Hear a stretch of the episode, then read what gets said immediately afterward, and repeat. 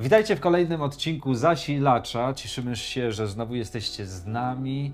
E, Będziemy dzisiaj omawiać kolejny fragment z Ewangelii Mateusza. Jeżeli będziecie mieli jakiekolwiek uwagi, myśli, pytania, bardzo nam miło, kiedy dzielicie się w, w komentarzach swoimi uwagami.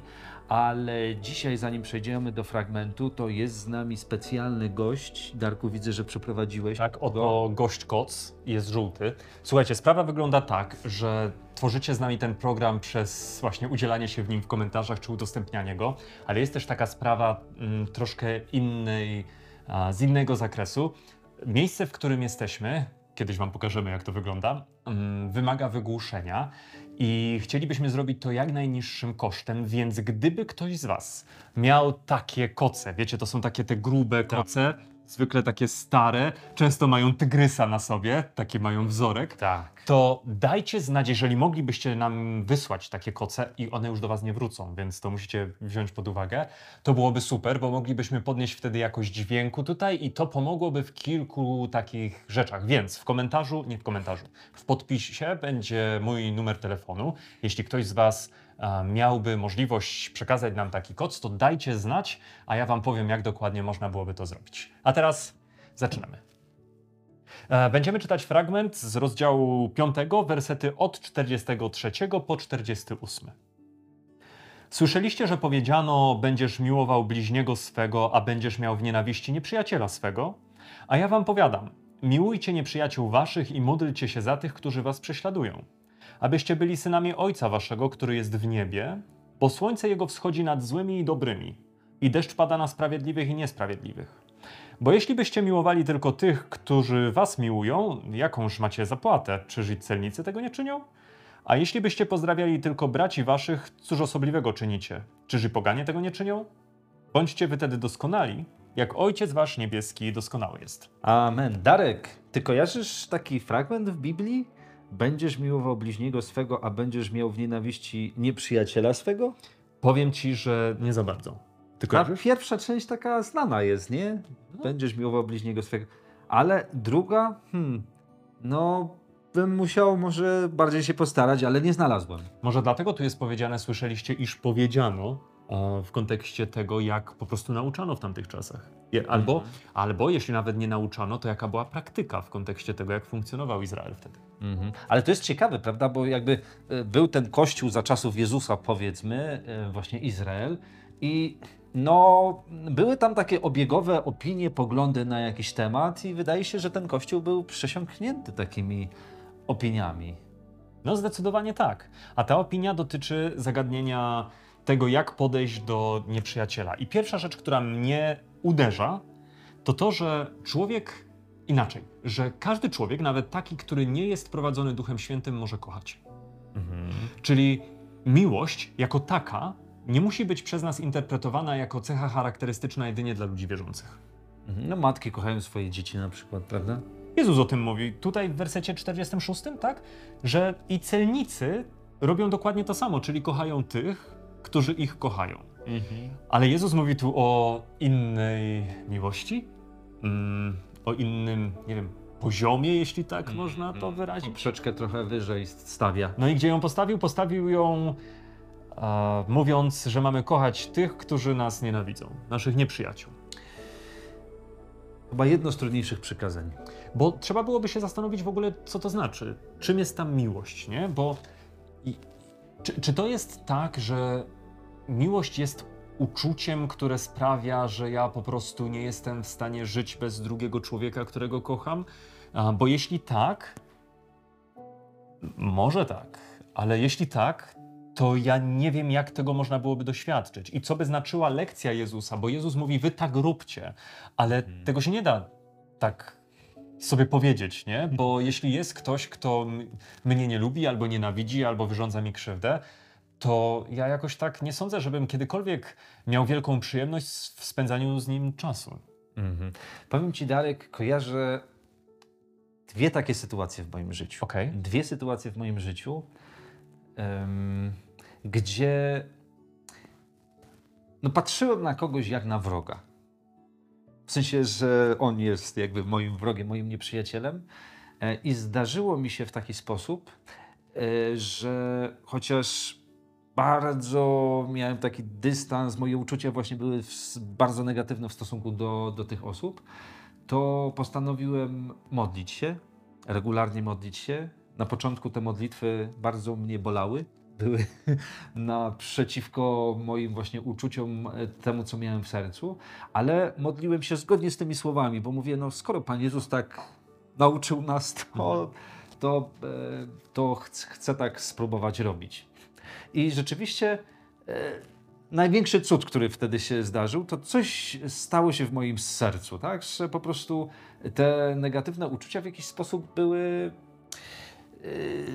przemienione, Mhm. tak? Że już potrafiłem normalnie spojrzeć na, na tą drugą osobę e, i chociaż może nie pałałem jakąś wielką e, sympatią, tak? Ale mimo wszystko jakieś moje nastawienie w stosunku do tej osoby się e, z, zmieniło. Chociaż myślę, że czasami to jest, to jest szalenie trudne, że to jest ponad ludzkie siły. Wiadomo, że możemy od razu mówić o skrajnych przypadkach, ale nasze życie zwykle nie dotyka aż tak skrajnych przypadków. Przy czym ja bardzo lubię w tej nauce Jezusa to, że on mówi o rzeczach, które są możliwe, to znaczy one są wyraźnie opisane i można coś zmienić. I on mówi tak: kochaj swoich nieprzyjaciół. I jaki podaje przykład? Podaje przykład ojca i mówi, bo ojciec sprawia, że deszcz pada na sprawiedliwych i niesprawiedliwych, i słońce świeci na sprawiedliwych i niesprawiedliwych. Więc Jezus nie podaje przykładu ojca, który czuje i nie mówi ojciec czuje to czy tamto dla jednych i drugich. Mhm. On mówi ojciec robi to i tamto dla jednych i drugich. Więc gdy mowa jest o miłości do tych, którzy są twoimi nieprzyjaciółmi, którzy uważają cię za nieprzyjaciół, albo ty uważasz ich za nieprzyjaciół, to z mojej perspektywy, jak czytam ten tekst, jest tu taka praktyczna rada: traktuj ich dobrze. Y, Żyj tak, zachowuj się tak, by oni byli przez ciebie traktowani jakby byli dla ciebie dobrzy, pomimo że dla ciebie nie są dobrzy, a to już jest praktyczne, nie? To się da zrobić. Bo nawet jeśli ja nie mogę zmienić mojego serca i tego, co czuję, ty mówisz o modlitwie, która Mhm. może coś zmienić, to ja mogę zmienić moje zewnętrzne zachowanie. Aha. Mogę coś zdecydować w tej sprawie. Jak najbardziej. Ja bym jeszcze tylko mm, dodał do tego, że kiedy nie idziemy w taką stronę, prawda, tylko na przykład kierujemy się takimi, takimi myślami, które były w, w, wtedy w Izraelu, że będziesz miał w nienawiści swojego nieprzyjaciela, tak, że to jest zdrowe, że to jest normalne, że ty, że ty po prostu źle traktujesz człowieka, do, które, który jest dla ciebie wrogiem, to jakby Jezus pokazuje, że nauczanie tamtego kościoła zrównało ich z poganami, tak? bo, bo Jezus powiedział w taki sposób, poganie się z, z, zachowują. Natomiast mm, dał do zrozumienia, że my nie mamy być jak poganie, ale że mamy być jak nasz Ojciec y, w niebie. E, I, i wiesz, ja nieraz się tak zastanawiam, czy czy w naszym kościele, w naszym kościele mogą też panować jakieś takie obiegowe opinie, które wywracają nam trochę e, do góry nogami w głowie nauczanie Jezusa e, i, i zrównują nas z tym światem, prawda? Że właśnie nie ma tej e, różnicy, o której mówiliśmy też już wcześniej. A różnica jest wyraźna i to, co też mi się bardzo podoba, to to, że ta nauka jest. Nie wiem, czy. Nie mogę powiedzieć, że tylko w tym miejscu, do którego się teraz odniosę, ale jest tak pięknie wyrażona w jednej historii Starego Testamentu. Pamiętasz, jak to bodajże wojsko z Syrii przyjechało do Izraela i tam był Elizeusz, oni oślepli, Tak, tak. zostali wprowadzeni do miasta i wtedy. e, To Elizeusz był, tak? Elizeusz, no. I pytają Elizeusza, to co teraz ich wybić możemy, nie? No. A on mówi, nie no, jeź im dajcie. To jest tak doskonałe, ta Tak. historia, nie? Jest nieprzyjaciel, co czujesz do niego, to jest rzecz drugorzędna, daj mu jeść. Jakby ucztę wystaw. Niech się tu dobrze mają, nie? Pojedli, pojechali. I nawet w Starym Testamencie, który wydaje się czasami taki krwawy, prawda, gdzie jest jakaś tam zawiść, zemsta na, na, nad wrogami, można zobaczyć takie wyjątkowe historie, które to pokazują. Jak no, mówiłeś o Elizeuszu, ja sobie zaraz skojarzyłem jeszcze, jak Elizeusz potraktował Naamana, prawda, który był wodzem e, wrogiego narodu i też e, prorok Boży za, za, za Bożą łaską go uzdrowił. I to, to, to jest w ogóle, ta historia kończy się wezwaniem do doskonałości. Ale to wezwanie do doskonałości jest poprzedzone właśnie takim opisem Boga. Boga, który jest dobry dla sprawiedliwych i dla niesprawiedliwych i wezwaniem wy też bądźcie dobrzy dla, dla tych, którzy was nienawidzą. Jak, jak chcesz być doskonały, jak ktoś cię wzywa do doskonałości, albo ktoś mówi o tym, że należy być doskonałymi, to to jest pierwszy chyba fragment, do którego odesłałbym człowieka. Chcesz być doskonały? Kochaj nieprzyjaciół. Mhm. Dlatego jak ktoś ci zachodzi za skórę w pracy czy w szkole, jest dla ciebie nieprzyjemny, Pan Jezus wzywa, żeby modlić się za tych ludzi, bo oni być może mają problem sami ze, ze sobą. E, e, I nie tylko, żeby się to skończyło na modlitwie, bo mo- modlitwa też jest czymś bardzo praktycznym. Ale przynieś mu ciasto. A, na przykład, tak? Zrób herbatę. Albo po prostu kiedy potrzebuje, żeby wyjść naprzeciw jego potrzebom. Życie nie jest proste. My pewne rzeczy tak jakby troszkę upraszczamy, ale to jest, to jest przesłanie, jak rozumiemy Jezusa w tym fragmencie. Nawet jeśli ktoś wyrządza ci krzywdę i nie masz w sercu do niego czegoś, co nazwałbyś miłością, to traktuj go z szacunkiem, z godnością, tak jak mówił o tym Jezus. Ale ze względu na to, że to jest tak trudne, tak jak Marcin mówił, że coś się zmieniło w jego przypadku w kontekście modlitwy i my teraz będziemy chcieli się o to modlić, żeby Pan Bóg po prostu dał nam siły, żeby iść za tą lekcją, którą tutaj wyraził. Kochany nasz Ojcze, dziękujemy Ci za to, że w Twoim sercu jest miłość, która jest